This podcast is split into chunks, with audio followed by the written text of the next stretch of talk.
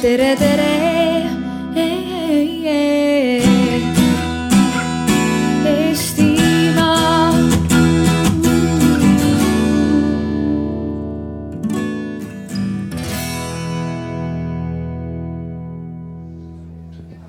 Loodame, et antakse meile tuult, et keegi ei minesta.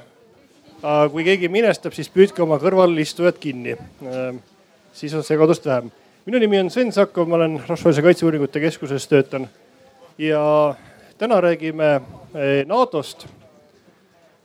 korraldajate siis, eks selle Arvamusfestivali korraldajate soovil pidi olema provokatiivne pealkiri, mis eh, kutsuks inimesi kaasa kuulama, elama seetõttu on selline pealkiri. kas nii-öelda tuleviku garant või mineviku pantvang, NATO kui selline mõni sõna enne kui ma annan panelistidele selliseks lühikeseks teemaarenduseks viis minutit äh,. võib-olla natukene noh, linnulennult tausta, eks ole, et NATO on järgmine aasta saab seitsmekümne aastaseks äh,. võiks öelda, et küps organisatsioon äh, ta on suutnud aastakümnete jooksul korduvalt ja korduvalt uueneda. Tänapäeval võib öelda, et tegelikult, et NATO on oma praeguses vormis ja oma praeguses mõttes on, võib käitada kui NATO neli punkt null ehk et kui NATO üks punkt null oli külma sõja aegne, väga selge ühe ohu vastu suunatud organisatsioon. üheksakümnendatel peale selle suure sõjalise ohu eh, taandumist vähemalt mõneks ajaks. Muutus alliansi iseloom päris palju.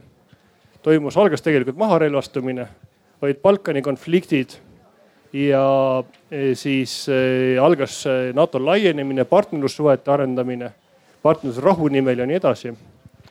uus muutus, mis oli siis võiks öelda NATO kolm punkt null, algas tegelikult siis üheteistkümnendal septembril kaks tuhat üks toimunud terrorirünnakutega, mille järel NATO hakkas tegelema pea ja ainiti ja põhiliselt sellega, et eh, suuta projitseerida jõudu kaugele ehk siis Afganistani. Eh, ja ehk tegelikult konkreetselt vastusena siis meie liitlaste Ühendriike tabanud terrorirünnakutega, rünnakutele ning nüüd peale Krimmi okupeerimist ja annekteerimist ning siis seni kestvat sõda Ukraina idaosas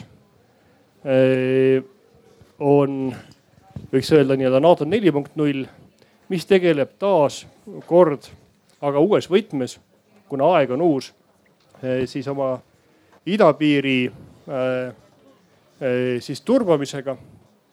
samas üha suurem probleem väga selgelt on ka lõunapiiril ehk et see nii-öelda siis Euroopa avatus lõunasse kaks tuhat viisteist, mõtleme rändekriisi peale ja nii edasi.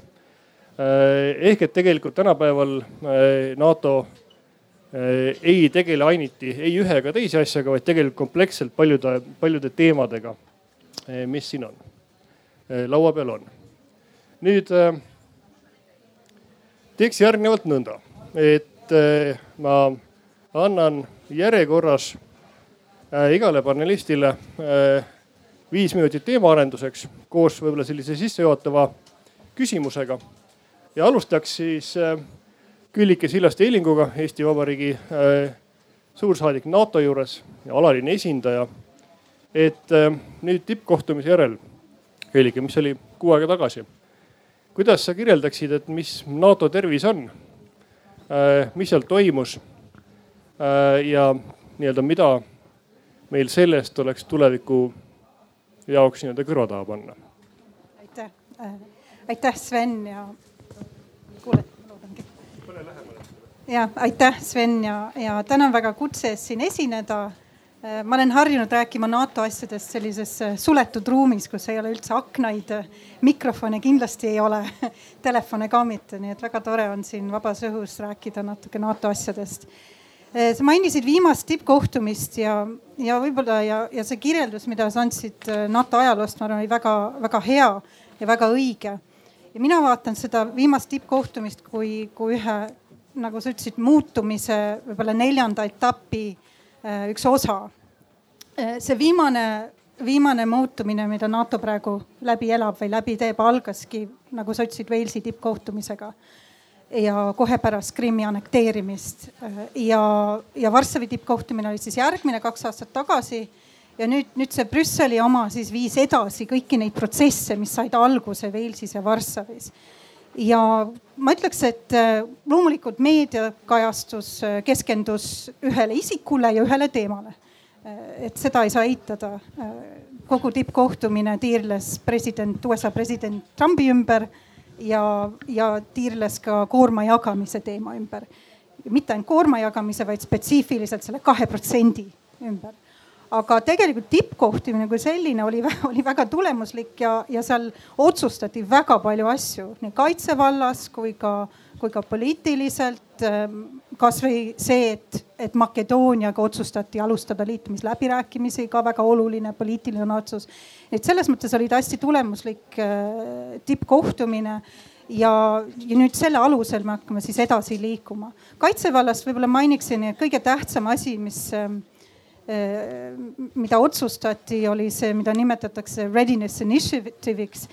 hästi lihtsalt öeldes, see tähendab seda, et äh, NATO äh, kiirendab oma reageerimisvõimet veelgi ja see on meiesuguse riigi jaoks ja meie piirkonna jaoks, ma arvan, üks väga oluline otsus. me teame, et NATO, meie liitlased on kohal Eestis.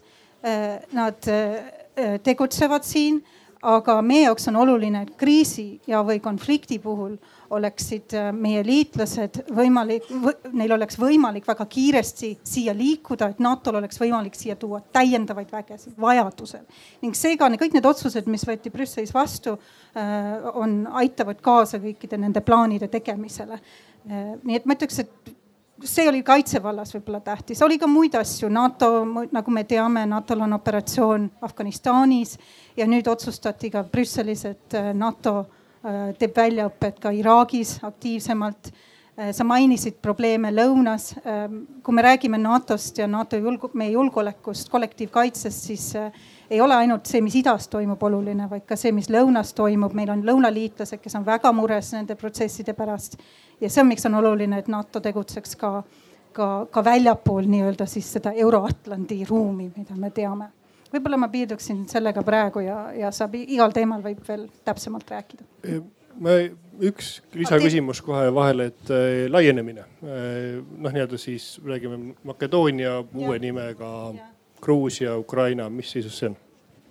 Äh, jah, noh, me teame, et NATO-l on, on see laienemise poliitika ehk siis avatud, avatud uste poliitika, mis, mis, mis kehtib.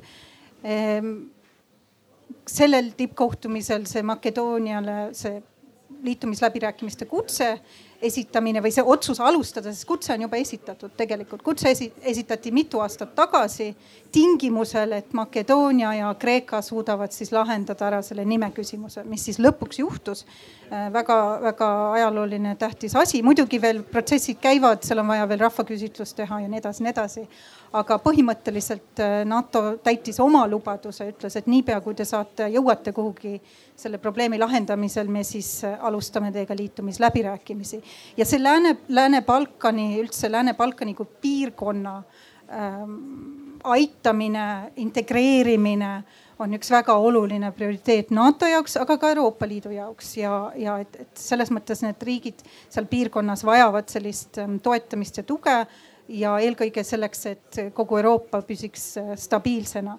Gruusiaga äh, on, äh, Gruusiaga on suhted väga hea ja tegelikult tippkohtumisel, mis on nii oluline, on, et toimus NATO kohtumine ka Gruusia ja, ja Ukraina presidentidega. Nii-öelda tipptasemel siis toimus kohtumine, kus siis sai arutatud nende, nende riikide nägemusi, kuidas nemad näevad Euroopa julgeolekut, mis probleeme nad näevad. Äh, koostöö, NATO koostöö näiteks Gruusiaga on väga tihe. Äh, Gruusia osaleb, ähm, osaleb ka NATO operatsioonidel, Ukraina ka, aga Gruusia eriti ma tõstaksin esile, kuna näiteks Afganistanis, kui ma ei eksi, nad on per capita vist teisel kohal panustamise mõttes oma vägedega. nii et nad teevad väga-väga palju ja, ja ka NATO ise on ka aktiivne Gruusias ja aitab neid kaasa äh, nende riigikaitse reformimisel ja sama, sama kehtib ka Ukraina kohta, nii et need riigid on, on väga lähedal ja, ja ma usun, et mida aeg edasi tulevad veelgi lähemale NATO-le selge äh,, aitäh äh,. audients, ärge muretsege, et äh, saab ükskord ka teie kord küsida. Jana äh,, sa oled öelnud Eesti meediale seda, et et president Trumpi ajal on artikkel viis muutunud teenuseks võib-olla sa nii-öelda arendaksid seda teemat ja, ja siis küsiks võib-olla juurde, et milline see artikkel viis siis peaks olema, kui mitte teenus ja, ja, ja, ja teine küsimus kohe siia otsa äh, nüüd tulenevalt äh, sellest, et sa oled äh, Euroopa Parlamendi liige, et kuidas noh, nii-öelda see, mis toimub NATO sees, peegeldub Euroopa Liidus, kas peaks peegelduma, kas Euroopa Liit peaks tegema rohkem-vähem kaitseküsimustes, toetama NATO-t, võistlema NATO-ga, nii-öelda kogu see suur temaatika ja ma kõigepealt tere kõigile, ma tänan kutsumast ja ma saan ju väga hästi aru, et miks kutsutakse sellisesse paneeli Yana Toom. on õrn lootus, et Toom kohe ütleb, et lähme NATO-st välja ja meil siin raba põleb. ütle ühte ega teist. aga mis teeb mind, kuidas ma nüüd ütlen, natuke ettevaatlikuks kogu selles arutelus on see, et me kõik nagu kuidagi kollektiivselt hakkame lähtuma sõjaloogikast ma praegu kuulasin, mida rääkis Külliki ja see oli nagu selline, selline valguse kiir tumedas maailmas, selline öö, kõi, igale poole ulatuv kaitse. aga mõtleks natuke sammu edas, edasi nagu, et me teame väga hästi, me kõik õppisime koolis, et iga tegevus nagu provotseerib kuskil mingi vastutegevuse. et mis, kuidas nagu sellega on ja see sõjaloogika teeb kuidagi väga ettevaatlikuks, eriti veel siis kui meil on olemas selline värvikas kuju nagu USA president, äh, kes tegelikult äh, ma küll ei tea, mida seal räägitakse suletud uste taga, kus võetakse telefonid ära, seda kõike, kes otsesõnu sõimas liitlasi, äh, nõudis rohkem raha, nõudis neli protsenti kahe asemel, rääkis, et nüüd nad lähevad NATO-st minema. sisuliselt, mis see on? ta ehmatab meid ära, me oleme kramplikult nagu kardame agressiooni ja siis meile laetakse välja mingisugused relvastused ja me hakkame need nagu kokku ostma, sest see kaitseb meid. America first, see on täpselt see, mida ta teeb ja see on täpselt see, mida ma pidasin silmas. ta ütleb, et te peate maksma, te maksate rohkem, me müüme selle, teile seda ja toda ja siis te olete kaitstud nii et ja kusjuures Euroopa Liidus ja ka Euroopa, Europarlamendis väga paljud saavad sellest loogikast aru ja sellepärast praegu elavnes väga tugevalt see debatt, et Euroopa Liidul on vaja iseseisvat kaitsevõimet et aastaks kaks tuhat kakskümmend viis peaks olema valmis mingisugune Euroopa Kaitseliit, mis Kaitseliit, halvasti ütlesin, mis peaks nagu öö, olema võimeline kaitsma ennast ise. see ei ole alternatiiv NATO-le, aga meil peab olema öö, see jõuõlg kuidagi iseseisvam ja me ei pea sõltuma sellest, kas härra Trumpil on täna tuju halb või hea, kas tal, ma ei tea kas ta naeratab või ta tweetib midagi või kuidas läheb edasi. ja veel üks asi, mis teeb mind jällegi ettevaatlikuks, see on täpselt see, kui me kõik räägime näiteks Eesti põhiseadusest, kõik teavad, et viies rida, see on viies rida, räägib sellest preambulast, et Eesti riik on loodud selleks, et eesti rahvas ja keel äh, kestaksid läbi aegade me alustame seda, selle lugemist, selle dokumendi lugemist viiendast reast ja täpselt sama me teeme avalikus Eesti ruumis, kui me räägime NATO-st. me räägime artikkel viiest. tegelikult on olemas veel artikkel kaks, mis eeldab seda, et kõik konfliktid, kuhu me oleme kaasatud, me üritame lahendada äh, peacefully, mis nad ra, rahumeelselt ja NATO lepingu preambul ütleb ka seda, et me oleme demokraatia inimõiguste kaitsel. tuletage meelde, NATO liige on näiteks Türgi. Öelda, et kõik on hästi demokraatia inimõigustega selles riigis, oleks selge liialdus. ega asjata seesama USA praegu ei rakendanud nende vastu sanktsioonid nii et see on kõik hästi selline komplitseeritud asi. ma ei ole NATO vastane, ma näen, et NATO-l ei ole alternatiivi, aga mul oleks väga hea meel, kui me suudaksime sellest sõjalisest loogikast väljuda ja ikkagi vaadata pigem selle artikkel kahe kui artikkel viie peale ähm,. aitäh, äh, lisa või täpsustav küsimus, mis puudutab äh, ütlust, et iga tegevus toob kaasa vastutegevuse, et kas pole mitte nõnda, et praegu noh, nii-öelda see, mida sa nimetaks sõjaloogikaks, mina nimetaks tegelikult heidutusloogikaks. NATO tegevus idapiiril, see tuleneb just nimelt sellest Venemaa agressiivsest välispoliitikast. ta on ründas neli aastat tagasi Ukrainat, okupeerib endiselt osa sellest ja see on põhjustanud selle. ehk et tegelikult see on vastutegevus Vene agressioonile Euroopas. kas sul on nüüd küsimus? ma nii-öelda debateerin jah, ma proovin nii-öelda siit nagu debatti üles kütkida. ma ei hakka siin nagu debateerima selles mõttes, et ma tean, et see on väga selline levinud arusaam asjadest. aga äh, Venemaa või kes iganes, ta, tal on mingisugused omad huvid ja ta üritab neid oma huve kaitsta. Ja ma saan aru, et mida, mida lähedamale me liigume, ükskõik mis, mis jääb piiri juurde, seda tõenäolisem on, et me saame mingisuguse vastulöögi või vastukäigu. nii selge. Äh,, lähme praegu edasi, aitäh ja ja pöördume nüüd Margus sinu poole, endine kaitseminister. Kaitseasjadega hästi kursis, et me nii-öelda natuke kohaloleku juurde jõudsime. Ehm, kas, ma küsiks nii-öelda, kas kohalolek on valmis? noh, kas ta saab üldse kunagi valmis olla, see on filosoofiline küsimus. aga kas ta on valmis, on midagi veel vaja?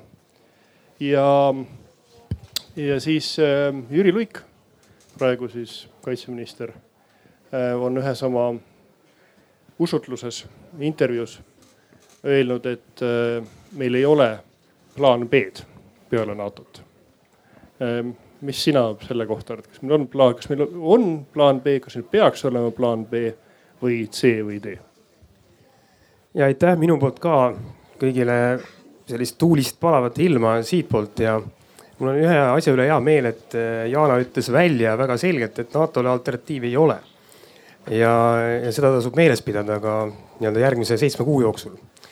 Eh, küll aga nüüd üritades vastata nendele paarile äh, küsimusele, Sven, mis sa küsisid, siis ma tuleks selle alguse juurde tagasi, et, et mis see NATO tulevik on, et kui te vaatate, kui dünaamiliselt on NATO arenenud. et selline Fukuyama järgne kätest kinnivõtmise periood on väga selgelt läbi ja kui ka meie poliitikud siin äh, üritasid meie partneritele rääkida ka siis kahe tuhandete alguses, et, et ja seal keskpaigas, et, et reaalne heidutus, mille jaoks NATO on ellu kutsutud, et see nõuab ka reaalset võimekust, sõjalist võimekust, sest et NATO on ikkagi sõjaline organisatsioon. et siis viimaste aastate jooksul on toimunud väga tõsised muutused, ka näiteks USA enda poolt vaadatuna.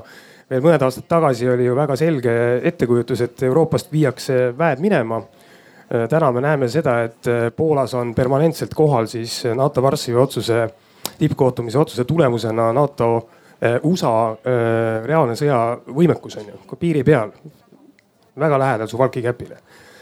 ja, ja teine pool on see, et eh, Varssavi otsus oligi ajalooline, et ma isegi ei pea seda, ütleme niivõrd oluliselt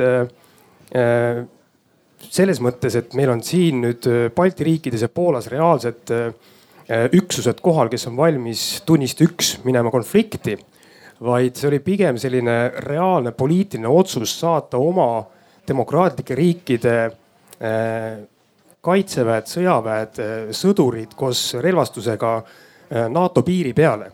ehk siis see artikkel viis varem, ta kehtis täpselt samamoodi nagu praegu aga oleme ausad, reaalses olukorras oleks läinud võib-olla selliseks rahvusvahelise õigusele põhinevaks aruteluks teemal, et mis siis päriselus juhtuks aga tänasel hetkel on langetatud poliitiline otsus võib-olla, millest ei saadud tookord Varssavis isegi aru.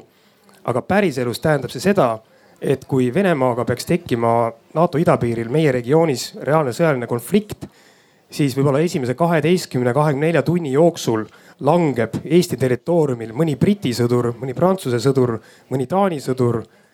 kokku Balti riikides ja Poolas on kuueteistkümne erineva riigi sõdurid ja sõjaväelased kohal ja kui te väga hästi kujutate ette seda demokraatlikku protsessi, siis äh, piltlikult öeldes Briti kaitseminister peab andma aru Londonis, mikspärast ja mis tingimustel äh, langes nende sõdur äh, Balti riikides, näiteks Eestis. see paneb asjad hoopis teise valgusesse, mis puudutab ka artikkel viie reaalselt tagamist sõjalise jõuga. ja selles mõttes on see olnud väga suur ja põhimõtteline poliitiline murrang, mis on toimunud NATO liikmesriikide poolt nüüd teine pool on see, et äh, siin käis põgusalt läbi Euroopa Liidu ja, ja NATO koostöö, siis äh, ka meie eesistumise ajal ju lepiti kokku esimest korda Euroopa Liidu poolt see PESCO koostöövorm, mida Jana ütles, Kaitseliit, aga see ongi põhimõtteliselt seesama asi. ja ka see, et Euroopa Liit põllumajanduse kõrval esimest korda investeerib ka üldse kaitsevõime tõstmisse ma ise käisin päris mitmetel äh, kaitseministrite kokkusaamistel, kus ka esimest korda reaalselt NATO peasekretär istus laua taga. Mis tähendab seda, et need ei ole võistlevad organisatsioonid, vaid äh, tegelikult need riigid, äh, lisaks veel need riigid nagu Soome, kes ei ole NATO liikmesriigid, panevad ühiselt sellesse samasse heidutusse reaalset võimekust sisse. Et see on, see on see väga suur ja põhimõtteline muutus, et kui see heidutus oli pigem selline lubaduste andmine klubi liikme kaardi vastu siis täna päriselus, kui peaks juhtuma sõjaline konflikt, siis kui inimesed surevad, siis sellele peab andma väga selge vastuse demokraatlikult valitud valitsus ehk siis vastama, nii et see olukord on oluliselt muutunud meie poolt vaadatuna väga positiivses joones. ja ma olen absoluutselt nõus Sveni käsitlusega, et NATO on heidutus ja NATO on reageerinud Venemaa agressiivsele poliitikale nii Gruusias kui ka Ukraina oli see, mis tegelikult pani need kõik need tuled põlema nüüd, kas nüüd on kõik valmis? ei ole, mulle väga meeldis tegelikult äh, Trumpi kohtumine Brüsselis, NATO tippkohtumised selles mõttes just kõrvalt vaadatuna. et äh, võib-olla sellel parketil liueldes ja sellist üldist äh, nagu keerulist strateegiat ajades noh, need ongi õiged asjad, mida tehakse, aga see sõnum oli väga selge, et, et need lubadused, mis on võetud kaks protsenti, et tegelikult tuleb ka reaalselt panustada ja see on meie poolt vaadatuna ainult positiivne, sest et üldine kaitsevõime Euroopa mõttes või NATO idapiiri mõttes peaks seetõttu igal juhul tõusma. Ja, ja nüüd see viimane küsimus, et, et kas meil on plaan B ja kas, kas NATO kohalolek on valmis, siis äh, ma olen äh, kaitseminister Luigega väga nõus, et meil ei tohigi olla plaan B-d. selles mõttes, et äh, meil tuhande üheksasaja kolmekümnendate lõpus ja neljakümnendal olid meil, ma arvan, neli-viis erinevat plaani meie saadikud olid nii Moskvas, Pariisis, Londonis, Washingtonis, igal pool, üritades mängida seda neutraliteedi mängu, mida üks väike riik tegelikult väga loogiliselt tegi. Siis täna on meil ainult üks plaan ja see peabki olema väga selge, kõik peavad investeerima sellesse, et me ei jää mitte kunagi üksi. meil on üks partner, meil on nii-öelda see väärtusruum, mille idapiiril me oleme. ja kui me hakkame siin mingit plaan B-d, C-d või E-d äh, välja mõtlema, siis see on väga äh, segane sõnum ka meie liitlastele, meil on üks plaan ja nüüd see, et kas kohalolu valmis on, siis ma tulen veel lõpuks tagasi sellele reaalsele olukorrale, et me kõik teame, mis on Balti regiooni suurimad puudujäägid nii-öelda reaalses kaitsevõimekuses, selleks on õhutõrje, permanentne õhutõrje. ja nüüd, kui see on olnud meie probleem ja me teame, et me võime tõsta kasvõi neljale-viiele protsendile oma SKP-st investeeringut kaitsesse, siis me ei suuda seda sellisel kujul luua, nagu see oleks vaja siis kui meil on täna kohal kuueteistkümne liikmesriigi, liitlasriigi sõdurid, kes kelle valitsused teavad, et esimese kaheteistkümne tunni jooksul nad peavad oma pealinnades peale sõjalist konflikti andma aru, miks nende sõdurite taevas on olnud avatud tegelikult rünnakutele. siis see ei ole enam meie probleem ainult, vaid see on meie kaitsepoliitika üks väljakutse, kuidasmoodi siit edasi liikuda. et kuidasmoodi ühiselt tagada ka reaalne, ka näiteks õhutõrje, permanentse õhutõrje kohalolek meie regioonis ja see on meie nii-öelda julge poliitika üks asjadest, mida me võiksime kaitsevaldkonnas oma liitlaste seas äh, nii-öelda lauale panna. Äh, selge, aitäh ja järgneb reklaamipaus, vaadake äh, aadressil icds.ee, see on siis Rahvusvaheline Kaitseuuringute Keskus avaldas juuni alguses raporti, põhjaliku raporti siis Balti riikide õhukaitse küsimustest, ingliskeelne raport. soovitan, soovitan kindlasti lugeda. nüüd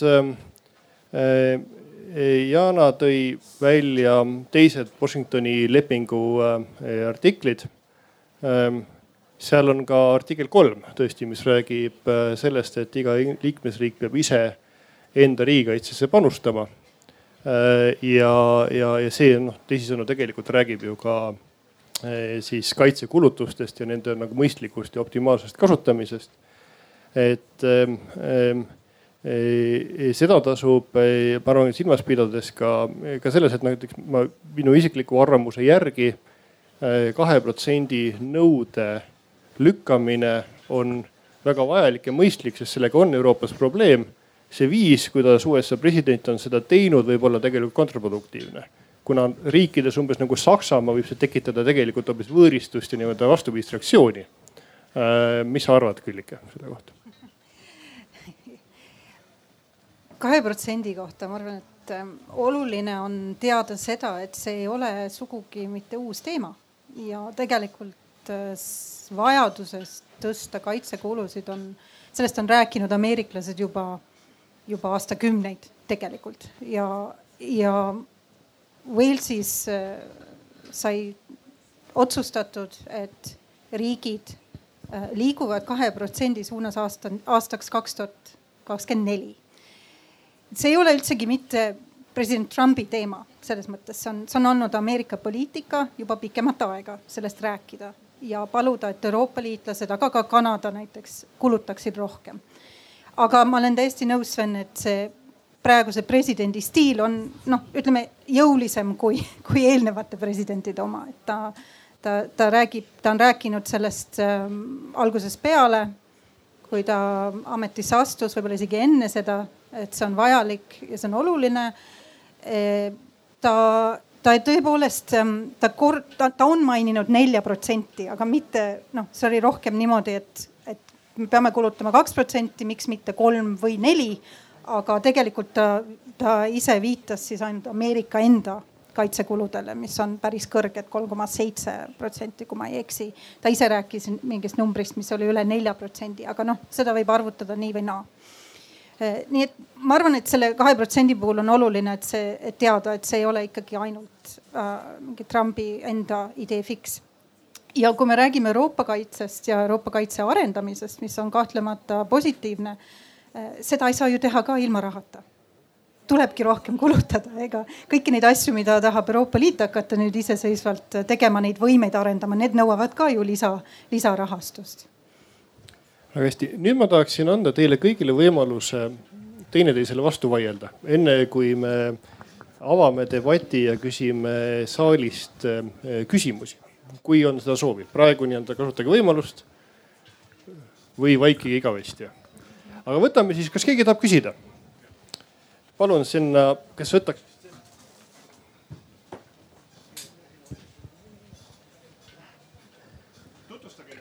ma ei pea ennast eriti tutvustama, ma olen mees Jõeküla lähedalt. ja mu väljanägemine ütleb, mida kinnitab seda, mis ma ütlen, et ma olen näinud teise maailmasõja tulekahju. olen olnud kraavis miinipilduja tule varjus. ja kannan ette küsimuse Armeenia raadiole küsiti, kas tuleb tuumasõda või ei tule. Armeenia raadio vastas, ei, tuumasõda ei tule, aga tuleb selline võitlus rahu eest, et kivi ei jää kivi peale. see ei ole küsimus, aga ma sekundeerin Jaanale. see, mis praegult käib, noh, meie vestlusringis see, mis ennem seda vestlusringi käis, see väga meenutab kõike seda aega, mis ma koolipõlvest kuni sügava pensionieani olen kuulnud. Need on väga sarnased. see võitlus rahu eest ennem augustit üheksakümmend üks ja see, mis hakkas NATO-ga pihta. aga lõpuks minu küsimus. eelmine seltskond siin ei suutnud sellele adekva adekvaatset vastust anda mis kuvandi andis Eston Kohveri pauk ja see selle nädala teisipäevane pauk seal meie naaberkülas. ma veel kriipsutan alla. Need kaks suurt jõudu, need on nii sarnased ja igasugune retoorika eeldab, et see auditoorium on nagu pehme tainas vabandust, kui ma kedagi puudutasin, aga see on tõesti nii. aitäh, teie kindlasti pehme taigna muljet ei jäta. Eh, vastupidi, eh, loodan, et teil kodukülas läheb kõik hästi. Eh, aga tegelikult, mis siin oli, praegu oli küsimus on võib-olla see läheb sellesse samasse noh, nii-öelda võiks nimetada nii-öelda nagu sõjahüsteeria, noh oletame sellist, eks ole, kuhu te tahate oma jutuga minna ma lihtsalt nagu debateeriksin ja panen kohe võimaluse loomulikult panelistidele ka, et et võib vaadata ka teistmoodi, võib-olla näiteks tegemist sellega, et Euroopa ja Põhja-Ameerika on õppinud kolmekümnendatest aastatest. mis see õppetund oli, et kui sa agressorit piisavalt varakult ja selgelt ei piira, ei nii-öelda ei kammitse siis äh, ta läheb üha ahnemaks ja tulemus on palju hullem, kui see võiks äh, muidu olla. Äh, ma arvan, et see oleks nagu teine vaatenurk sellele, aga paneel, Jana, palun. ma lihtsalt tahtsin märkida seda sulgudes, et USA viimast korda sõdis oma territooriumil aastal tuhat kaheksasada kuuskümmend üks, kui ma ei eksi et eh, see ei ole päris nagu adekvaatne võrdlus ja mul on väga hea meel, et siin härrasmees E piimasärgis nagu mind sekundeeris. sest äh, esiteks ma, ma nagu tsiviilelanikuna ja naisena, ma, mul on nagu kuidagi natuke, natuke hirmus kuulata, et meil ei ole plaani B. see meenutab mulle kakskümmend kaheksa, mis nad on, Panfilovtsi. Отступать некуда позади Москва plaan peab olema igal juhul B ja C ja ma ei tea, mitu veel. see tähendab, see on mingisugune viimane võitlus siin. ja äh, ma, ma küsiksin, ma ei tea, Margus sinu käest, et näiteks kui meil ilmub igal pool pilt, kus rumalad noored poisid, ma saan aru, meie liitlased nagu sõdurid ikka teevad Ameerika äh, lipuga äh, endast pildi Ivangorodi kindluse äh, taustal. kas see siis on heidutus või see on provokatsioon või see on lollus? Me teame ju ette, kuidas sellele reageeritakse meil on sõjaväeparaad Narvas, järgmine aasta on Ivangorодis sõjaväeparaad. ma lähen Toila spaasse ja massöör küsib minu käest, et proua Toom, kas me peame nüüd kõik siit ära kolima? no see nagu ei ole päris normaalne ja meie lemmik, tuhandete lemmik kolonel ühtegi, kes ütleb, et iga nüüd hakkavad kahe päevaga tapavad kõik venelased ära. mina venelasena loen seda ka enda kohta ähvardusena ja kui me võtame seda lihtsalt meenutame korraks, meil on sada tuhat Vene Föderatsiooni kodanikku ja kaheksakümmend seitse tuhat mittekodanikku. kus kohas on interneeritute laagrid, anna mulle aadress, ma tean, kuhu oma vanematele kuivikud viima hakata. saad aru, meie julgeolek on ka meie sisemine asi, meil peab olema ühiskond mitte integreerutud selles, nagu see sõna on juba nii ära, ära kulunud, et enam ei tööta üldse. peab olema mingisugune ühtne tahte, kaitsevõime, mida väga ei ole me kõik ju loeme lehtedest, kuidas noored poisid maksavad raha, saavad endale mingisugused võlstõõdid, kes ei lähe nagu aega teenima ja nii edasi ja nii edasi kes me ise oleme päriselt ka valmis ennast kaitsma. mulle nagu konservatiivse naisele meeldiks see, et ma teaksin, et minu, minu ümber mehed saavad seda teha ise. E, ja vot, Margus, üks hetk äh,. lihtsalt võib-olla väike täpsustus, et see, mida lugesin tähelepanuga kolonel ühtegi artiklit see, mida ta rääkis, on see, et kui Vene väed tulevad, võtavad Tallinna ära, siis seal nad surevad, seal ei olnud juttu venelastest, vaid Vene vägedest no,. Ma, ma ju tean, mul, mult kogu aeg küsitakse, kui nad tulevad, kelle poolt te olete. see on ju järgmine küsimus. aga nüüd äh, äh, Margus, tegelikult, kas me oleme valmis ka iseennast kaitsma ja, ja võib-olla see, et, et kas äh, noh, selline nii-öelda vastasseis on noh, nii-öelda selles tegelikult nagu kasulik, võib-olla kuidas seda äh, maandada, et ei tekiks sellist nagu äh, hop-hoobi vastu sellist eskaleerimist äh, siin kandis. no ma mõtlesin, et olin Jaana alustuse peale väga üllatunud, et kas tõesti ei tulegi seda plaati peale, aga tuli. et see on täpselt seesama jutt. Et hästi peenelt lihvitud ja siis esitada neid küsimusi onju aga see tähendab seda, et eh, panna kogu ülejäänud maailma reaalsete arengute ees nagu silmad kinni ja ka, ja ka lähiajaloo ees on ju. et eh, mina absoluutselt olen nõus sellega, mida kolonel Ühtigi ütles, et eh, ja ta ütles väga täpselt seda, et kui Vene väed tulevad ja jõuavad Tallinnani välja, siis äh, juhtub nendega see, mis ta ütles, onju. et aga sellele eelneb üks asi, et Vene väed tulevad Tallinnani välja. Jana ja see ongi küsimus, kummal pool sa võitled siis onju. minul ei ole selle jaoks mingit küsimust ma arvan, et äh, see, mis kunagine meie esimene kaitseväe juhataja peale iseseisvuse taastamist, kindral Neilsen andis välja esimese päeva käsu oli see, et me võitleme iga hinna eest onju vastu, me hakkame igal juhul vastu. ja see ongi see, millele kogu see meie kaitseloogika püsib, et on iseseisev kaitsevõime, on kaitsetahe. ja seda kaitsetahet just nimelt niimoodi pidevalt õgvendataksegi Äh, vastupidi, ma arvan, et kui sa vaatad äh, liikmesriike, NATO liikmesriike, siis Eesti inimeste kaitsetahe, arusaamine, miks me kuulume NATO-sse ka see, et me ei tohi tegelikult kunagi üksi jääda enam. Äh, kust jookseb hea ja halva piir, see on väga-väga-väga selge selles mõttes on ju. nüüd kui nüüd rääkida, et kas see eskaleerimine, nii et üks ütleb ühte, teine teist, et kuhu see lõpuks välja jõuab, siis Äh, kõik Eesti diplomaadid, välispoliitikaga tegelenud inimesed ju mäletavad neid aegu, kui me ka peale Gruusia sõda rääkisime, et kui nüüd ei tule väga selget vastust, väga selgeid äh, seisukohti ega tegutsemist, siis äh, Putin ei jää seisma. ei jää seisma ja tuli Ukraina tuli hiljem peale. ükspuha, mida siin räägitakse, reaalselt on see niimoodi kui hakatakse rääkima, kellele Krimm kuulub, siis äh, ma lisan sinna juurde selle jutu, et täna on osa Ida-Ukrainast veel okupeeritud ja seal käib sõjategevus. et ei ole mõtet sellist äh, noh, sellist lolli juttu ajada, vabandust väga, et, äh, et midagi ei ole juhtunud, et meie siin midagi eskaleerime. nüüd mulle meeldib väga meie praeguse kantsleri, kaitseministeeriumi kantsleri tulevikus siis suursaadiku Washingtonis selline näide, mida ta on toonud sellises seltskondades, mis puudutab heidutust ja see on hästi piltlik Jonatan Vseviov. Äh, et kujutage ette, et teil siis, äh, te kõnnite õhtul, tulete kuskilt, ma ei tea, mõnest trennist, kust iganes, kõnnite tänava peal ja teile tuleb vastu üks suur võimas öö, äh, vend onju.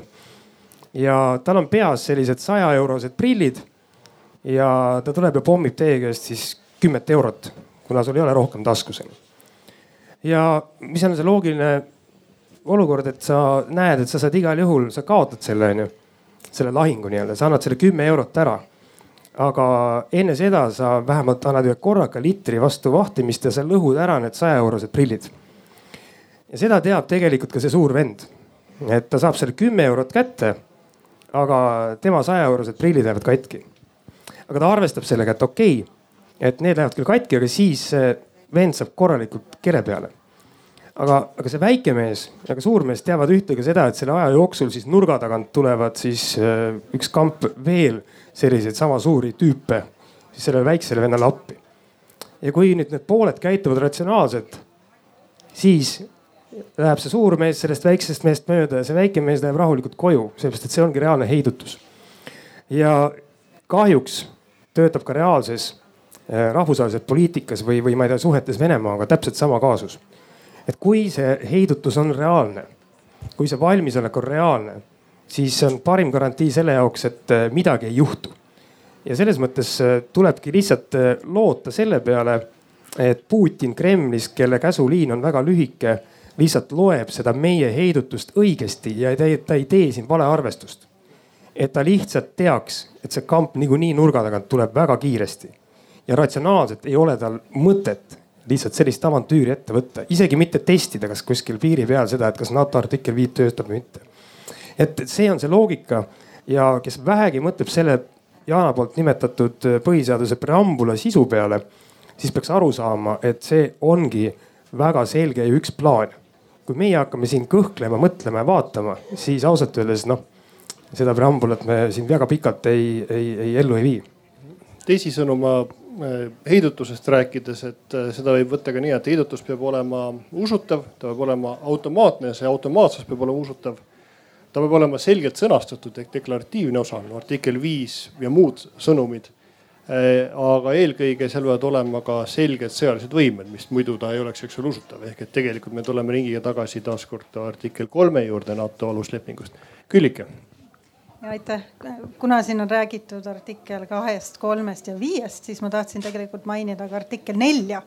et me ei unustaks ära artikkel nelja, mis siis äh, näeb ette, et liitlased võivad äh, alati konsulteerida teiste liitlastega oma julgeolekumuredest rääkida ja, ja tuua neid siis sinna NATO laua taha.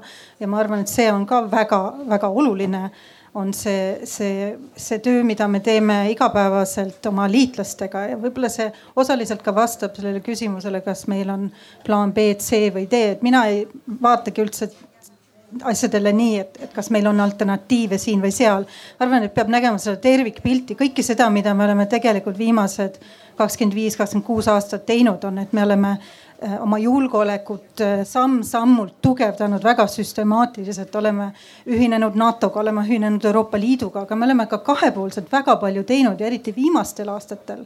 Äh, me oleme tugevdanud oluliselt oma kaitsekoostööd teatud väga oluliste Euroopa liitlastega, kes on sõjaliselt väga võimekad nagu Suurbritannia, nagu Prantsusmaa Äh, nii et äh, see ei ole, see ei ole nii, et me paneme kõik äh, munad nii-öelda ühte korvi ja, ja loodame siis NATO peale, kui midagi peaks juhtuma, me, me töötame kogu aeg selle nimel, vähemalt diplomaatilises ähm, sfääris, et, et meil oleks alternatiive selles mõttes, et meil, me ei loodaks ainult ühe riigi peale ja, või ühe organisatsiooni peale.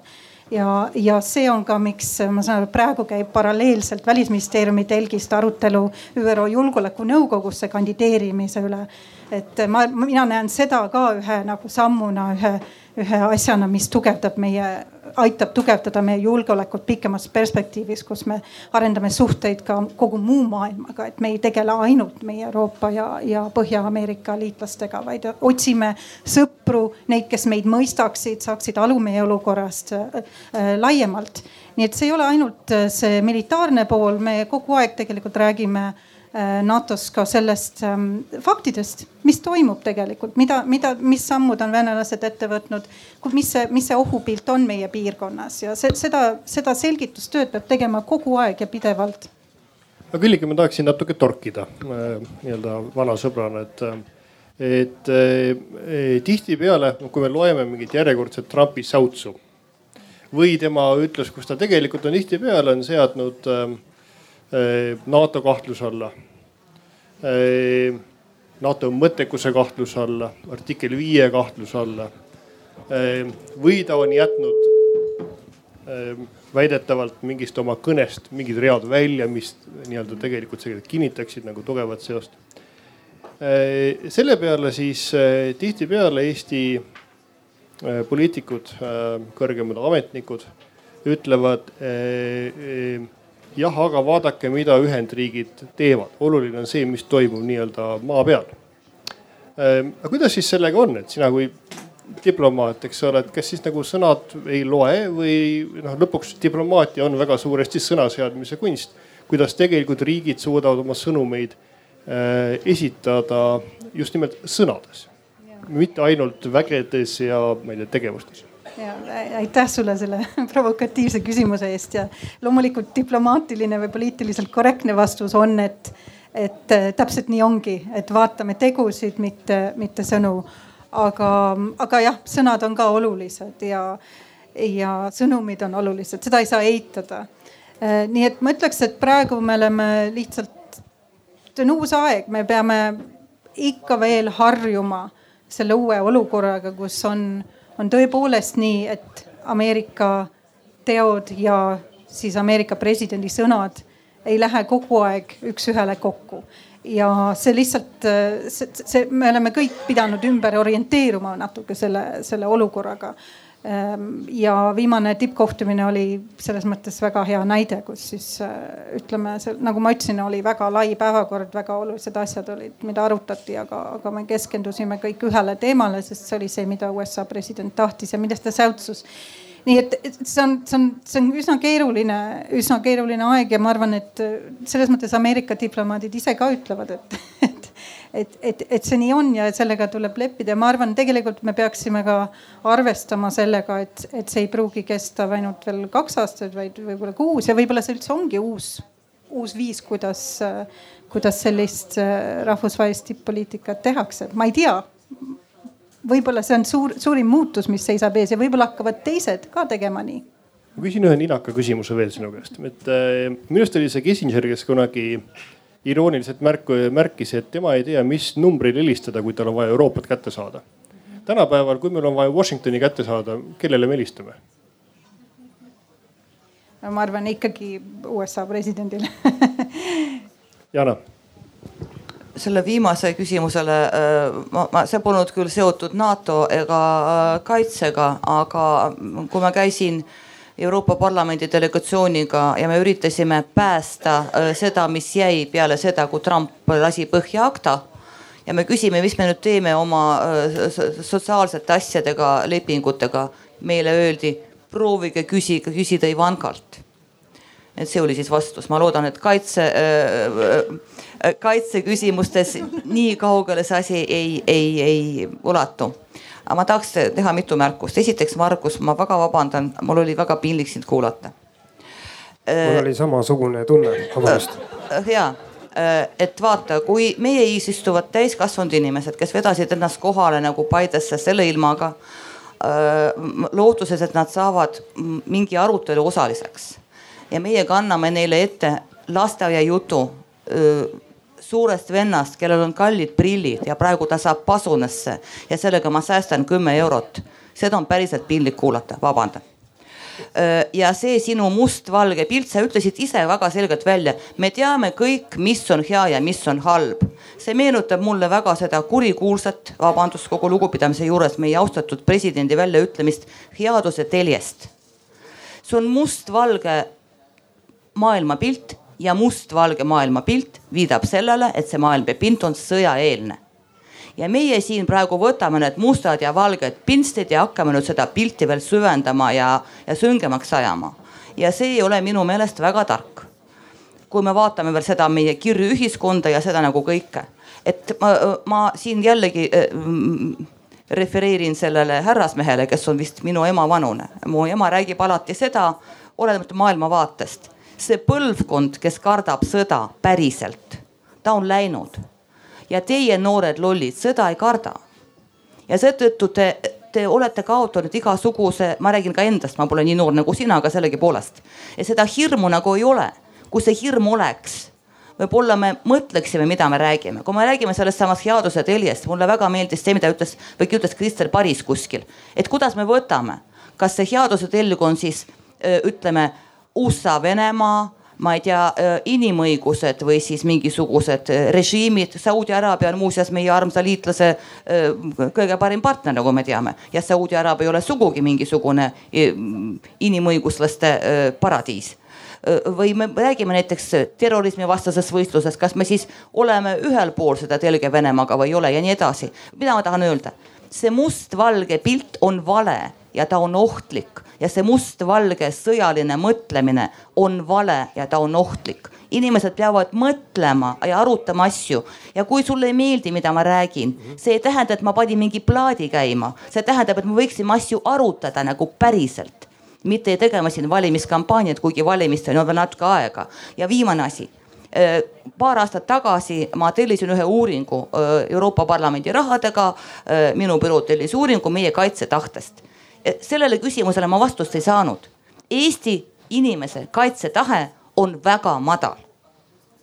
me küsisime väga niimoodi läbi lillede, mida te soovitate Eesti meestele juhul kui. ja lõviosa soovitustest oli see, et istuge kodus mida ma tahan öelda, et see artikkel viis muutus teenuseks mitte ainult Donald Trumpi, vaid ka meie jaoks, kes me siiralt arvame, et kui me panustame kaks koma seitseteist protsenti, siis keegi tuleb ja teeb selle musta töö meie eest ära ja keegi ei veena mind sellest, et seda aru saama ei ole noortel poistel, kes peavad homme kroonu minema, aga ei lähe. kuna meil on ju NATO liitlased siin. meil on äh,, kaitseministeerium on teinud umbes viimase kahekümne aasta jooksul äh, regulaarseid vist kaks korda aastas äh, avaliku arvamuse uuringuid, kus on ka nii-öelda kaitsetahe, kas sa oled ise valmis äh, no, relva haarama, on kahekümne aasta jooksul küsitud. ja ma vaidlen vastu selle, nende metoodiliselt kahekümne aasta jooksul tehtud uuringute järgi on see väga kõrge, üks kõrgemaid Euroopas. Soomel on kindlasti veel kõrgem, seal on see kuskil niimoodi kaheksakümne protsendi. kuidas neil NATO-ga on? ja, ja, ja Eestis on seal kuskil eh, kuuskümmend kaheksa protsenti umbes. Eesti keelt emakeelena kõnelevate meeste puhul on üle kaheksakümne. Eh, see ei ole nõnda eh, samamoodi väga paljudes NATO liitlastes, Saksamaal näiteks on see väga madal, mis on kindlasti murettekitav.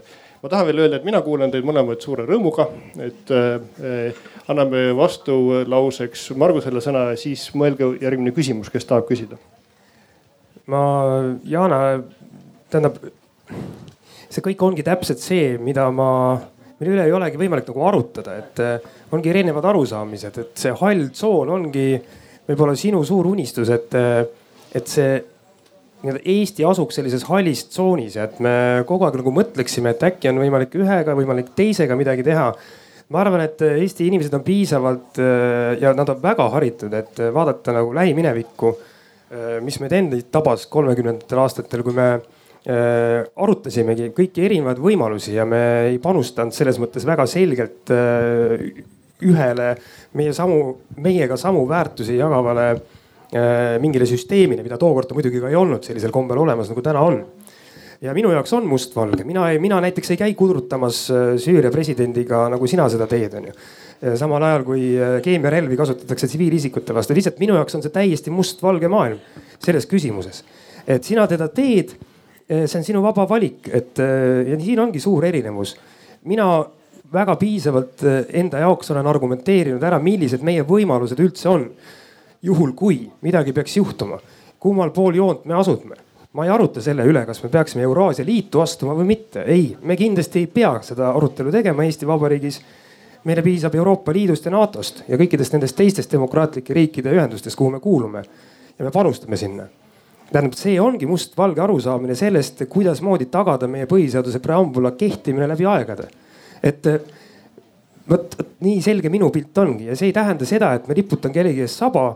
see tähendab seda, et Eesti poisid, Eesti mehed, naised ja pered on need esimesed, kes peavad omama seda väga selget, mitte halli arusaama, vaid väga selget arusaama sellest, mida me päevast üks teeme ühiselt, et meil on olemas kaitsetahe ja see kõige jõulisem heidutus tegelikult ükspuha millise vaenlase vastu ongi see, et teatakse, et see rahvas hakkab igal juhul vastu. ja kuni selleni välja, et nii nagu kolonel Ühtigi ütles, et ei ole mõtet Tallinnasse tulla, noh, ei ole mõtet. nii, aga oodake, oodake, mina juhatan seda siin, ma lihtsalt kutsuksin üles, võib-olla meil on jäänud pool tundi veel, et me äh, räägime NATO-st ja argumentidest, ärge enam teineteisest rääkige. et see oli kindlasti, kindlasti huvitav, aga ma usun, et inimesi huvitab rohkem NATO, kes on siia tulnud, mitte teie personaalküsimused. Ma annaksin enne küsimuseks sõna, härra teie selja taga on kaua aega oodanud. Ja siis võtame ja paluks, et see oleks küsimus ja kiire. Jah, ühesõnaga mul on selline küsimus, et siin juba oli juttu, et Krimm on okupeeritud, aga mul on äh, mõlemale üks hea küsimus, et kas Narva jõetagune ja Petserimaa härra Tsahkna ja Toomi arvates on okupeeritud ja üks väike repliik siia juurde, et me ei tohiks toetada Gruusiat nii kaua NATO liikmeks saamiseks äh, kuni Gruusia ei ole likvideerinud sõjaroimari number kaks Jossif Stalini muuseumit, lõpetanud seal tema veinide levitamist, ühesõnaga. sest Eesti rahvas ei, ei saa kuidagi nõustuda sellega, et ühes Euroopa või NATO liikmesriigis oleks sõjaroimarile muuseum. Te ei näe Saksamaal kuskil ega Austrias Hitleri muuseumit, ma olen need maad küll läbi käinud, ka Gruusia, aga ma kahjuks ei ole näinud. selge, jätame selle praegu meelde ja härral Jõepära külast. mina pöördun Tsahkna poole ettepanekuga lõpetada Yana tümitamine, see on häbiväärne. ja minu arvates märksa aktuaalsem peaks olema selles, sellel kvoorumil pöörata plaati ja rääkida võimalikust heidutamise alternatiivist. kas tõesti ei ole alternatiivi? väga hea, nüüd võtame kolmanda küsimuse või kommentaari, meil on praegu nii-öelda Petseri tagused alad äh, alternatiivheidutusele. aitäh, äh, ma võib-olla siit jätkaksin selle alternatiivsete heidutustega. Et me oleme hästi palju siin kuulnud arutelu selle kohta, mis puudutab artiklit viis ja, ja sõjategevust ja nii-öelda meie relvajõudude võimekust ja NATO võimekusi aga me peaksime mõtlema ka selles suunas, et kui palju on meil NATO-st abi, et me ei jõuakski artikkel viieni. mis on need kriisiohjemehhanismid, mis me saame tegelikult rakendada enne, et artiklit viis poleks meil vaja üldse taotledagi.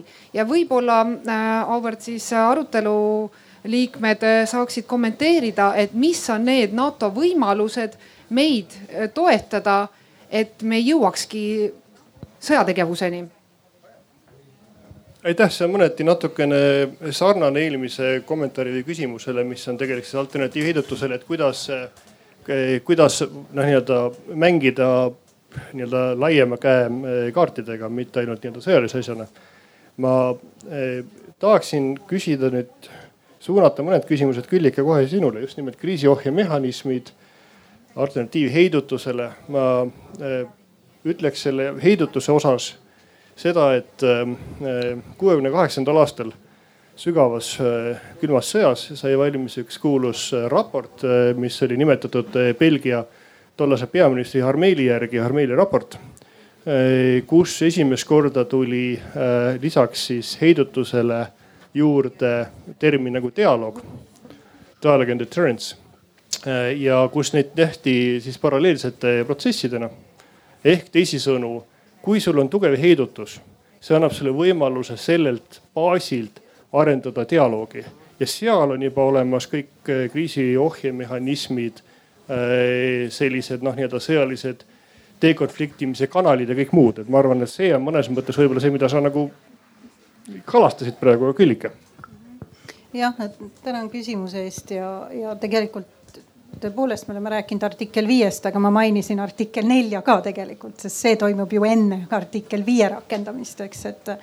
ja, ja tegelikult need ähm, arutelud Brüsselis keskenduvadki just sellele nii-öelda konfliktieelsele perioodile, isegi kriisieelsetele, eelsele perioodile, et kuidas, kuidas ära tunda seda, et mingisugune kriis on, on tulekul.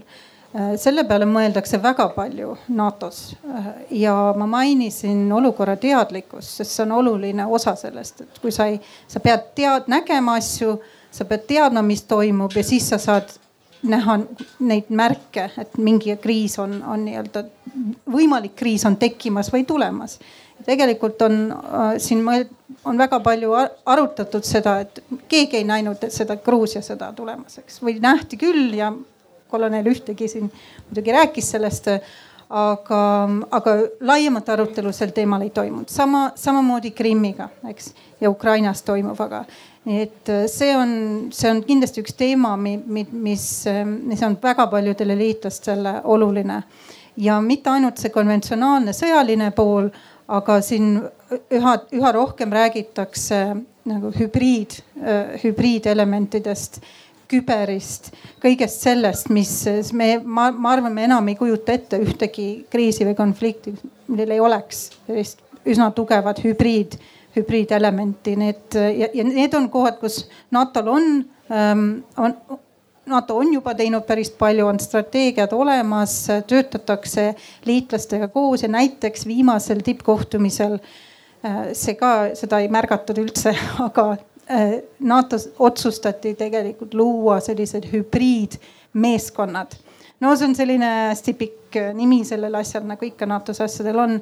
aga põhimõtteliselt need meeskonnad on sellised vabatahtlikud, kui üks liitlane, näiteks Eesti ütleb, et oota, me, me näeme siin midagi imelikku toimumas, mis, mis meile tundub, et vajaks ähm, vajaks tähelepanu, me tahaksime oma liitlastelt äh, abi, et palun tulge kohale, vaadake, kas te leiate, et midagi või on juhtumas, et nüüd, nüüd on need meeskonnad nii-öelda olemas, see mehhanism on loodud selleks. Ja ma arvan, et see on väga oluline, nii et meil, see ei ole üldse see, selles mõttes see ei ole otseselt sõjaline, aga see on, see on tänapäeval üha tähtsam ja see läheb kokku ka sellega, mis toimub praegu Euroopa Liidus, kus, kus on ka üha rohkem äh, mõeldud nende hübriid äh, peale, nii et noh, see väga-väga aktuaalne küsimus tegelikult. aga need ähm, siis äh, kriisiohjemehhanismid äh.... jah, need, need, need, need on olemas ja neid, neid ka, ka harjutatakse äh,.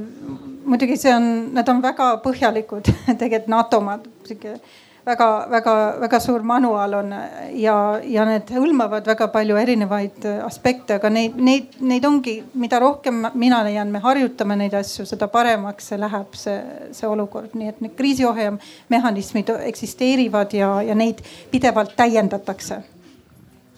Margus? Ma tahtsin täiendada, et, et see ongi hästi lihtne käsitlus, et nüüd on NATO väed siin, et NATO liikmesriigid nii-öelda sõjaliselt kuidagimoodi ärritavad siis Venemaad.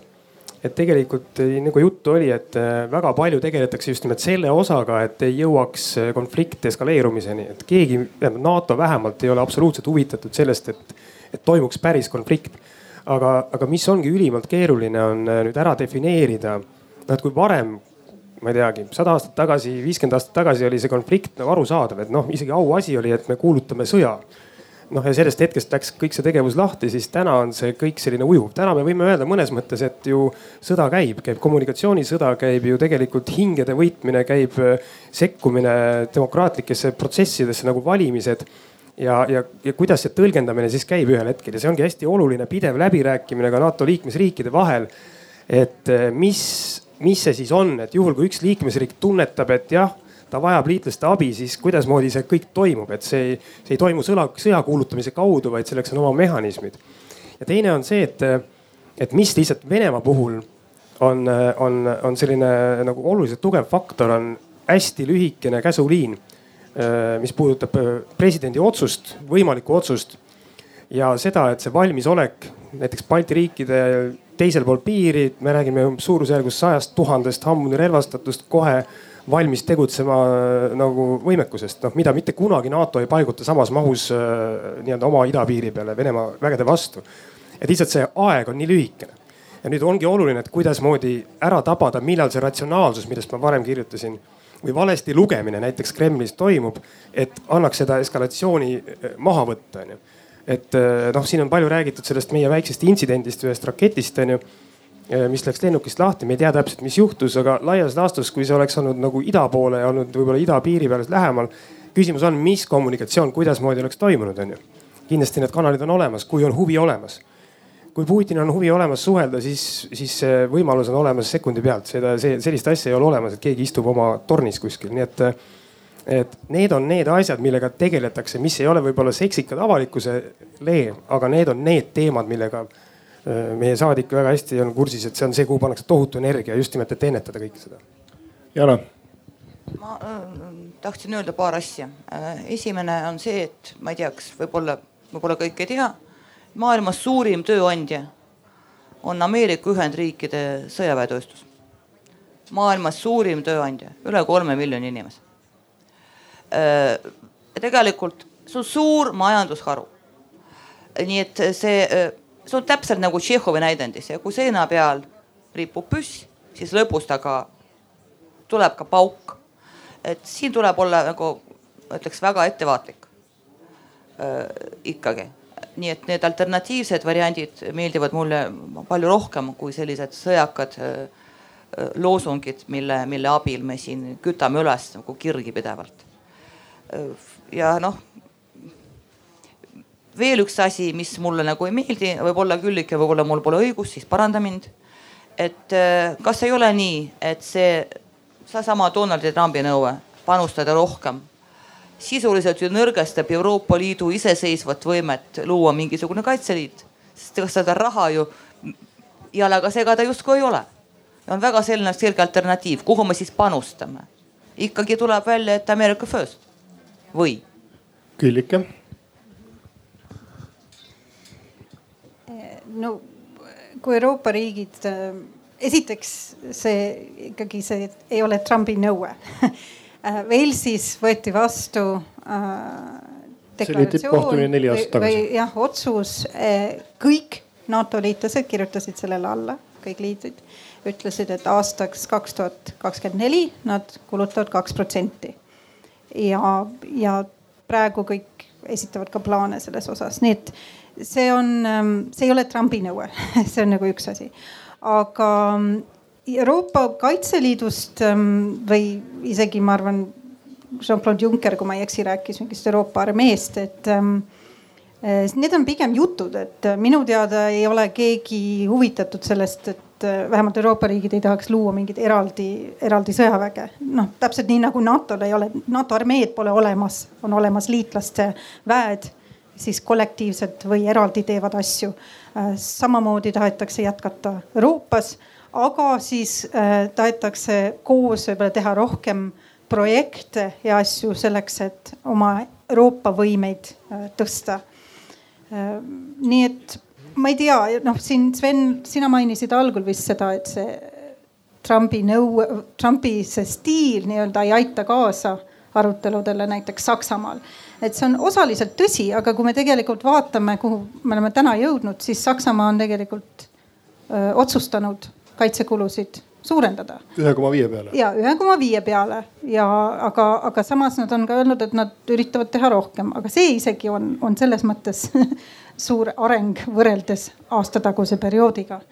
nii et jah, see stiil on, on selline, ütleme jõulisem kui varem on olnud, aga, aga võib-olla see, see ongi taotluslikult nii, et tuua, et, et saavutada tulemusi. ma ei tea, ma ei taha kaitsta ühe teise riigi presidenti või tema, tema seisukohti või käitumist, aga ma lihtsalt noh, üritan lahti seletada seda, miks ta võib-olla seda teeb, see on, see on jällegi läbi, vaatame tema tausta, see on selline, ma, ma pakun, et see on üks suur läbirääkimiste taktika, et, et nõuda algul hästi palju, hästi jõuliselt ja siis olla valmis siis võib-olla noh natuke taganema sellest, kui ta näeb, et mingid tulemused on juba saavutatud. aga ma ei tea. Margus ma tuleks võib-olla sellest Trumpi asjast korra välja, et, et kui lihtsalt vaadata, et mida on teinud Soome või mis plaane Soome peab, et ta kavatseb välja vahetada oma, oma, oma väga olulise osa relvastusest ja investeerib sinna tohutult, onju. ei ole NATO liikmesriik, aga nad loevad samamoodi seda, mis maailmas toimub, onju. samamoodi Rootsi, kes pole ju, ma ei tea, aastasadu osalenud sõjas otseses mõttes, onju Rootsi ühiskonnas on toimunud viimase kahe aasta jooksul väga suured muutused just nimelt selles suhtumises, et nad on taastanud eh, vähemalt nüüd see aasta võtavad neli tuhat inimest ajateenistusse, et see on hoopis, noh kujutage ette demokraatlikus Rootsi ühiskonnas peale seda, kui nad avastavad oma saarestikus nii-öelda Venemaa allveelaevu või mingi hävitaja sõidab madalalt üle et see on Rootsi ühiskonna otsus olnud ja nad samamoodi tõstavad kaitsekulutusi, et eh, see ei ole lihtsalt mingi Trumpi surve, vaid, eh, vaid see on lihtsalt selline kaine kalkulatsioon, mida võiks teha. ja teine asi, mis ma tahtsin öelda nüüd nende Euroopa Kaitseliidu suhtes, et eh, olnud ka ise seal laua taga, kui seda läbi räägiti, siis see oli kõigile kogu aeg selge, et see ei ole mitte Junckeri välja öeldud Euroopa armee see ei ole mingi paralleelne tegevus või konkureeriv tegevus siis NATO-ga, vaid äh, ka nendel läbirääkimistel istus NATO peasekretär reaalselt laua taga.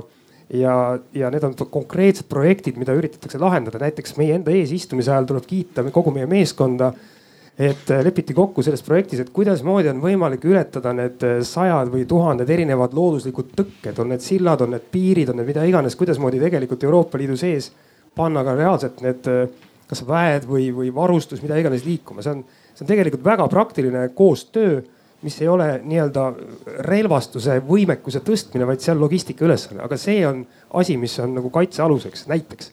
et seal on väga palju neid tegevusi, mis nad on paralleelsed ja koos NATO-ga. aitäh, ma äh, ütleksin ühe kommentaari selle Euroopa Kaitseliidu kohta, et tegelikult Lissaboni lepingu äh, paragrahv nelikümmend seitse lõige kaks, mis räägib ühisest kaitsest seal on kirjas ka sõnaselgelt, eh, mustvalgelt, et eh, nende Euroopa Liidu liikmesriikide puhul, kes on ka NATO liikmed, eh, toimub see nii-öelda NATO kollektiivkaitse raames. teine, mis puudutab seda, et kas see kõik tähendab nii-öelda siis nii-öelda kaitse-eelarvete suurendamine tingimata Ameerika relvatööstuse produktide eh, ostmist, siis ma tahaksin seda tõesti Prantsusmaa puhul näiteks näha. me vaatame tegelikult ka näiteks Eesti äh, suuremaid eh, relvahankeid. viimased suured äh, radarid on olnud Hales Thompsoni omad, Euroopa omad. viimased suured torud on Korea omad äh,. viimased suured masinad on Norra omad, mis on Hollandist ostetud, viimased siis Äh, soomukid on äh, Soome äh, toodang, tankitõrje relvad, õhutõrjerelvad on Prantsuse omad. ma nagu ei näe seda eriti mis ei tähenda seda, et Trump ei, ei, seda ei lükka, aga ma ei näe seda reaalsuses, seda toimumas. ja nüüd, mis puudutab Euroopa Liidu kaitseküsimusi veel. lõpuks on see, et ka riigil on sõjalised võimed või ei ole ja need on ambivalentsed, need on sellised agnostilised selles osas, et kus seda kasutatakse. Noh, seesama meie tänapäeval väga kuulus Eurofighter, ta on või ei ole. see, kas seda kasutatakse, mis, millises operatsioonis, kuidas seda juhib Euroopa Liit, NATO, ÜRO või OSCE, see ei ole oluline. selle nii-öelda, selle võime olemasolu on oluline. aga Külliki, ma tahaksin sinu käest küsida, et sa oled äh, äh, nii-öelda targu vakk olnud selles küsimuses, sest kas meil on siin äh, noh, nii-öelda üles köetud sõjahüsteeria, et sina kui ka tsiviilisik ja naisterahvas ja diplomaadil omaselt väga terava kõrvaga või väga sellise tähelepaneliku kõrvaga, et kas sulle tundub, et see väide on tõene või ei ole? aitäh. no ma võrdleksin, kui võrrelda praegust olukorda selle olukorraga, mis oli vahetult pärast Krimmi okupatsiooni, siis ma ütlen, praegu on tegelikult palju rahulikum, mulle tundub. Mulle tundub, et ähm, Vene, Venemaa okupat-, okupatsioon Krimmis. et ähm, siis oli tõesti nii, ma mäletan, et ma tulin üks päev välisministeeriumist, äh, astusin välja, nägin äh, Solarise keskuse ees ühte vana tuttavat, kes ütles, et oo, et sina võib-olla tead natuke rohkem kui, kui meie, et kas, kas me peaksime nüüd oma asjad kokku pakkima ja, ja Eestist lahkuma, et see, see oli nagu selline noh, võib-olla natuke ekstreemne näide, aga, aga teisi oli ka, et see tundus mulle oli siis see meeleolu, et täna, täna ma arvan, seda, seda, seda ei ole, aga võib-olla Marguse kaitseks natuke see, mis puudutab sellist must, must, mustvalget maailma või, või, või käsitlust või trummi põristamist või, või noh kui vaadata seda julgeolekudebatti laiemalt, mis praegu toimub Euroopas, siis siis natuke on see olukord mustvalge ja see on, see on eelkõige, sest et äh, küsimus on, kas, kas Venemaa kasutas jõudu, et muuta piire Euroopas või mitte äh,. valdav enamus, kindlasti kõik meie liitlased, kaasa arvatud Eesti, meie ka leiame, et jah, kasutas. kas see on õige? meie arvame, et see ei ole õige äh,. siis noh, siis on küsimus, kas riikidel on õigus äh, määrata omaenda noh julgeoleku alternatiivid või valikud, teha omaenda julgeolekuvalikud. meie leiame, et on, kõikidel riikidel peab olema see õigus Äh, aga kui me vaatame, mis toimus Ukrainas, siis, siis see sai ju alguse sellest, et Ukraina tahtis assotsiatsioonilepingut sõlmida Euroopa Liiduga. Ja see oli vastuvõetamatu Venemaa jaoks, nii et noh, tegelikult siin on, siin on neid mustvalgeid momente, mis ei ole jällegi meie tekitatud. Nad on lihtsalt olemas, need on need põhimõttelised küsimused, mis kanduvad üle ka Eestile, eks, et, et kui me, kui me aktsepteerime ühte uut julgeolekukorda Euroopas, kus riigid saavad äh, kus, kus, kus meil ei ole enam valikuvõimalus, kus lihtsalt üks riik saab otsus, otsustada ühel hetkel, et me tahame seda territooriumi endale ja kasutab jõudu selleks, siis kuhu me jõuame, see on meiesuguse riigiga jaoks väga ohtlik tee. Ja noh, selles mõttes ma, ma pean nagu nii palju nõustuma, aga üldine meeleolu Eesti, mina küll ei tunneta. Ma ei tea, võib-olla suurt, suurt sellist paanikat ja hüsteeriat ja ma ei usu, et Eesti, Eesti äh, valitsuse liikmed või, või väga nagu õhutaks seda tagant, ma, ma ei ole küll märganud seda. aga, aga küsime Vox Populi käest, et äh, härra E-piima särgis noh, ütles kohe alguses, et see on nagu väga üles köetud. et äh, teeme nii, et tõstke äh, nii-öelda kolm varianti.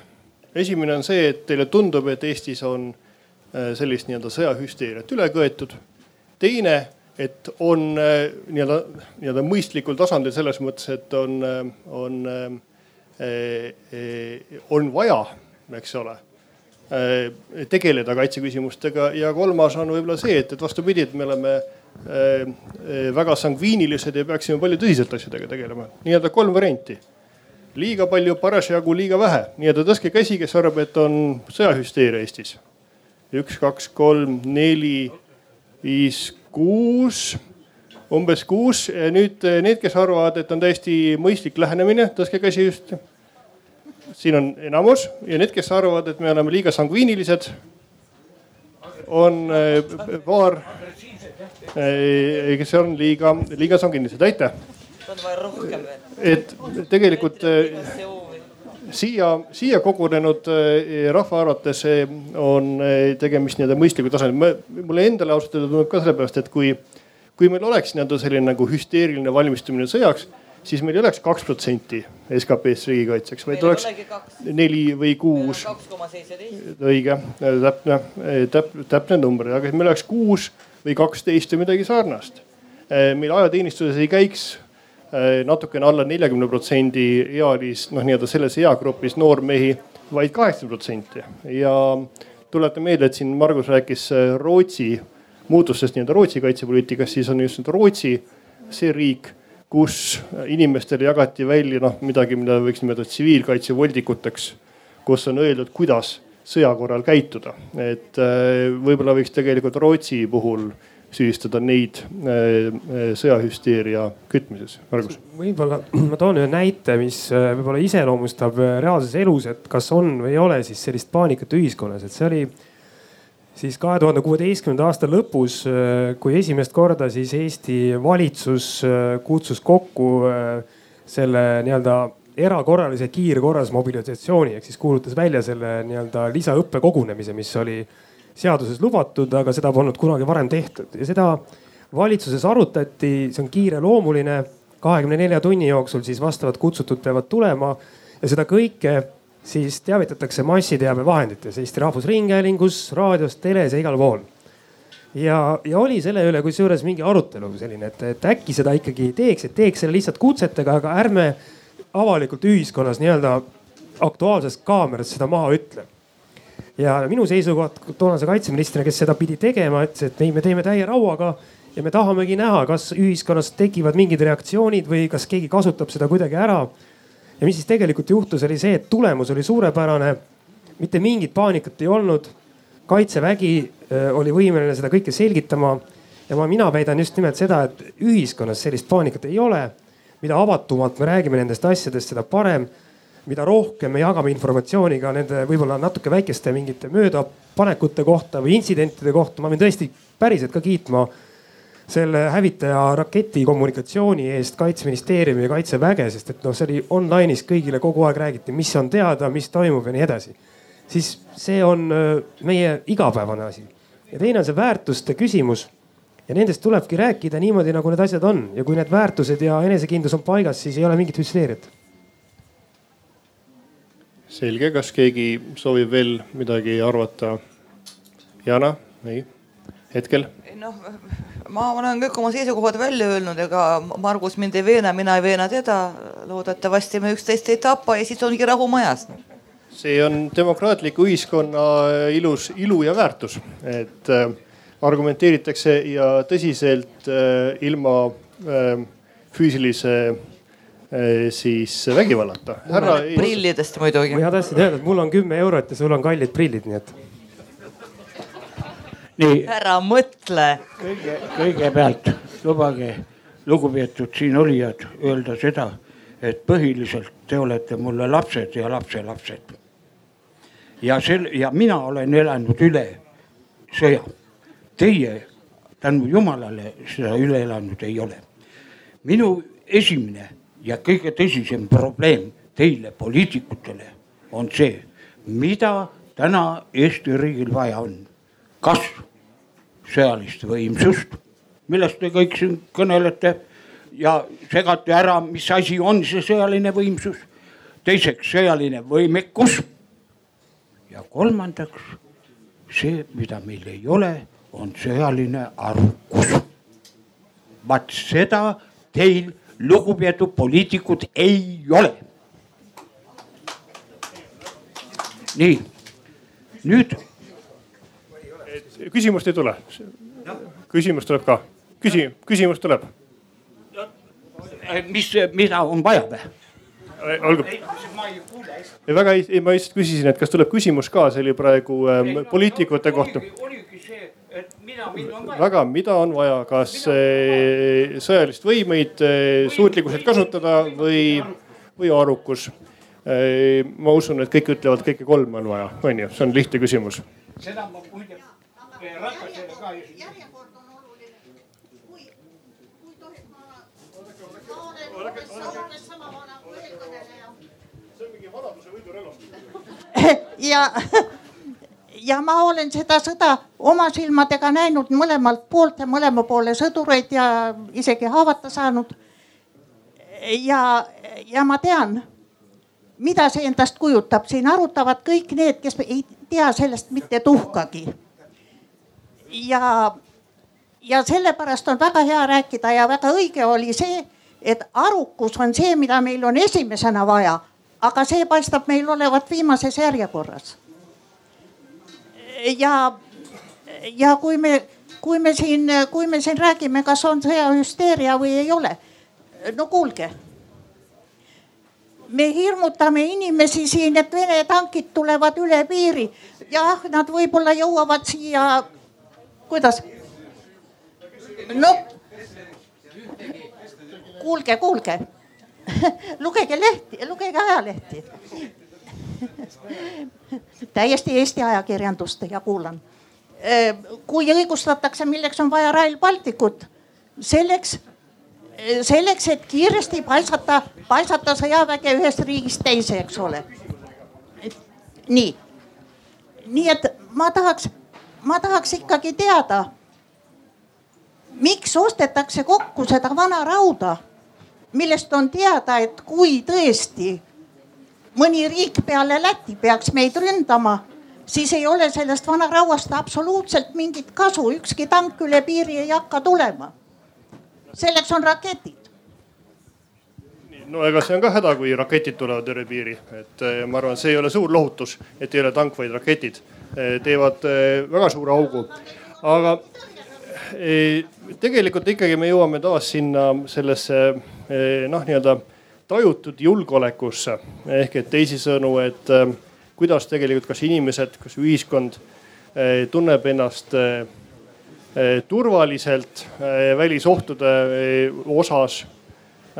see ongi tunnetuslik, ma arvan, et meil on kõigil on omad väga selged väärtused. proua, teie noh, nii-öelda isikliku elukogemuse osas ja et nooremad inimesed, kes siinpool on, kellel seda ei ole, me oleme loomulikult noh, oleme väga õnnelikus ajas elanud, et seda ei ole. minu arvates riigikaitsest rääkimine sellega tegelebki, et sellist olukorda tagasi ei tuleks et me ei peaks seda nägema, et meie lapsed ei peaks seda nägema. ja, ja, ja õnneks on äh, inimkonnas olemas võimalus õppida lugeda ja nii edasi, ehk et me ei ole selline sellise, sellise fauna osa, kes peab ise seda tajuma, ise õppima selleks, et seda õppida. me saame õppida ka teiste kogemustest, et, et ma arvan, et seetõttu, see, seetõttu te võib-olla teete natukene E, e, liiga e, nendele meie, meie suurepärastele panelistidele, aga nüüd suurepärased panelistid. meil on viis minutit aega ja ma annaksin samas järjekorras, nagu me alustasime, siis igaühele siis poolteist minutit, et kui jääb midagi veel südamele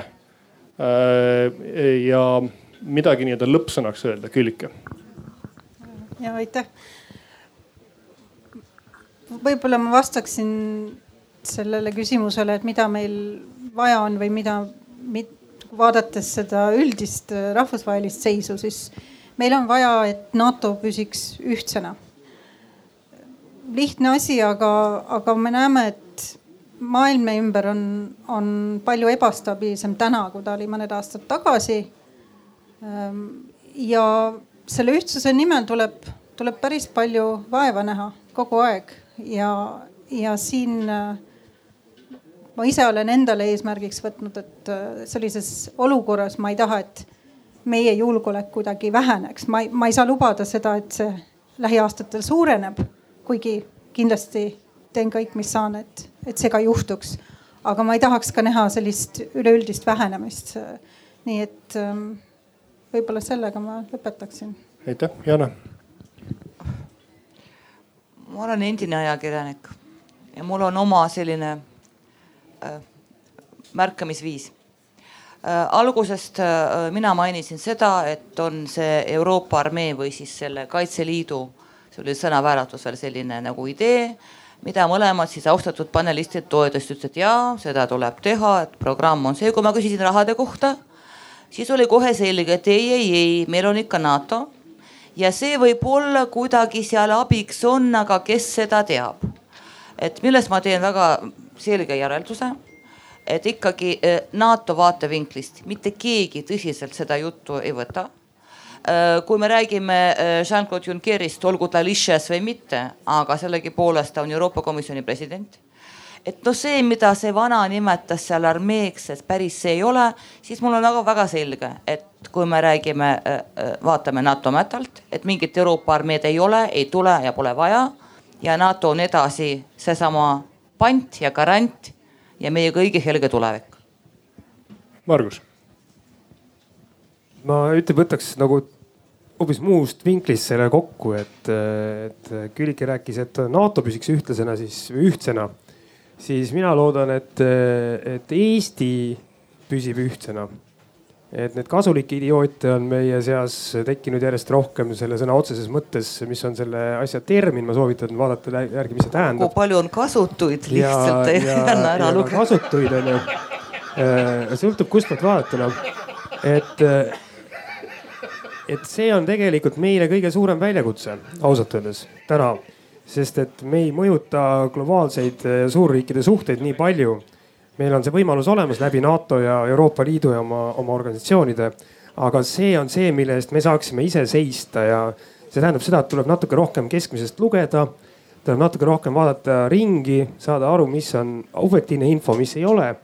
et ja Eesti inimesed on nii targad, et suudavad selle üle otsustada küll mul oli suurepärane võimalus viibida siis esimest korda toimunud Kaitseliidu noorteorganisatsioonide laagris Spekter äh, koos omaenda poja klassirühmaga. seal oli üle tuhande lapse ja üle kolme tuhande, kolmesaja inimese, kes nendega tegelesid. seal olid Kaitseliidu noorteorganisatsioonid ja esimest korda ka pool sellest laagrist, viissada last olid siis nii-öelda mitte Kaitseliidu noorteorganisatsioonidest. ja ma tahan öelda, et see arusaamine maailmast ja see argumentatsiooni tase ja see enesekindlus ja veendumus omaenda väärtustes on seal oluliselt kõrgem kui ühiskonnas keskmiselt, nii et mina ütlen, et, et see annab minule küll lootust, et me püsime ühtsena ja, ja, ja seeläbi tegelikult ka seisame vastu nendele tormidele, mis siin täna ümber puhuvad ja tulevikus ka on. Ja et noorus on meie tuleviku garant, aga nüüd aitäh paneel siin osalemast, aitäh osalejad ja palun eh, eh, aplaus esinejatele